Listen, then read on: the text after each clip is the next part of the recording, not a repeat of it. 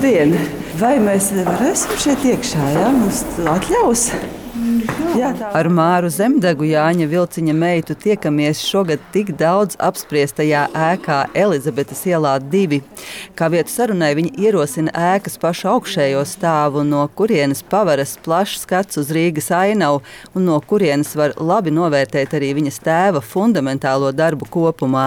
Tagad paskatīsimies, ko mēs redzam par šo logu. Mēs redzam Rīgas jūgendu, cienot jūgendu stilu arhitektūru tēvs atkāpās no ielas, lai ar šo ēku paklanītos tam, kas ir redzams otrā ielas pusē.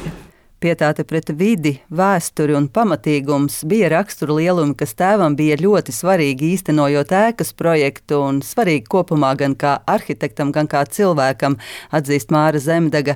Viņš atteicies ēku būvēt augstāk un ar garākām strēlēm, pierādot, ka lielāks apjoms neiederas vidē un tādējādi no izciršanas tiek pasargāti arī parka koki.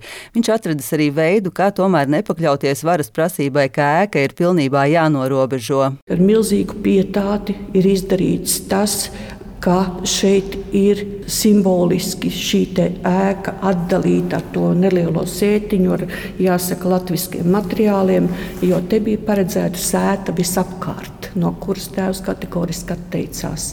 Un tagad, paskatoties zem tiem ēkas spārniem, paņemot no to norobežojumu, faktiski ēka ir caurstaigājama uz parku un līdz ar to nu, viņa pilnībā iekļaujas lai projektētu šo ēku. Protams, ka neizvēlējās pašu pēdējo arhitektu, kas tajā laikā bija.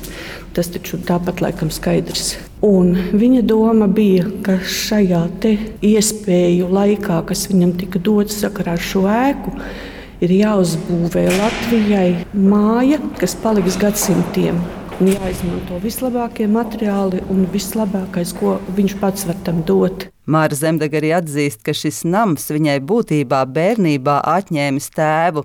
Viņš bija pilnībā nodevies projektam, vai nu bija uz vietas topošajā būvē, vai komandējumos Armēnijā, Urālos un citviet, kur pats brauc izvēlēties būvmateriālus. Tas bija sākot no kaut kādiem maniem desmit gadiem, mm. kad mhm. tēvs uh, sāka projektēt. 74. gadā man bija 16. Mm -hmm. Tā kā es tēvu faktiski atceros ar lieliem koferiem, iebraucot no Maskavas attaist tos koferus vaļā, un tur ir maisiņš ar savalkāto veļu un apelsīnu. Ar to man ļoti lielā mērā asociējās tēvs. Mārai Zemdegai un visai ģimenei ļoti sāpīgi bija dzirdēt pēkšņi šogad ēkai piedāvāto nicinošo apzīmējumu komunisma rēks, jo īpaši tādēļ, ka Jānis Vilciņš līdzās tam, ka bija izcils arhitekts, bija arī nacionāli noskaņots cilvēks. Es tiku audzināta ar to, ka kādreiz būs atkal brīva Latvija ar komentāriem, kāda bija kādreiz Latvija.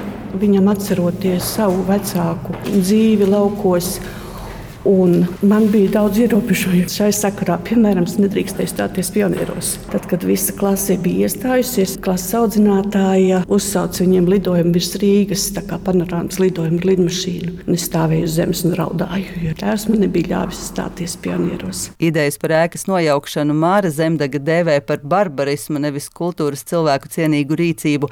Pie tam tā ir pretēja tendence procesiem pasaulē, kas vērsti uz esošā saglabāšanu un piemērošanu attiekšanos videi. Un tad es lasu jaunākās atziņas, piemēram, es izlasīju tikko profesora Krastiņa rakstīto, ka šī ēka ir nevietā. Neglīta, bojā jūgas stila panorāmu, nezinu kāpēc.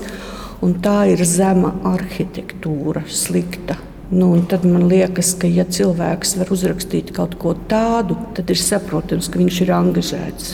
Jo mēs jau varētu teikt, ka tā ir savulaik nokalpojusi arhitektūra vai ēka ir nu, kaut kādā nolietojuma stadijā. Nu, tā būtu taisnība. Bet cilvēks var uzrakstīt, ka tā ir zema līmeņa arhitektūra. Tad man gribas paprasīt, kāpēc viņš tagad tā runā, pilnīgi pretī saviem vārdiem pirms gadiem 40. Par koncertu zāli sakūto nepieciešamību Rīgā Mārai Zemdegai šaubu nav, taču viņa uzskata, ka daudz progresīvāk būtu to uzcelt kādā šobrīd mazatīstītā vai degradētā Rīgas vietā, tādējādi līdz ar nozīmīgo kultūras būvi attīstot arī visu apkārtējo teritoriju.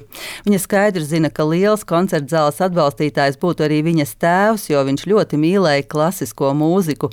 Zīmējot un rasējot, viņš allaž klausījās operu ierakstus, un tolaik mazajai Mārai mācīja arī atpazīt slavenāko operu dziedātāju balsis.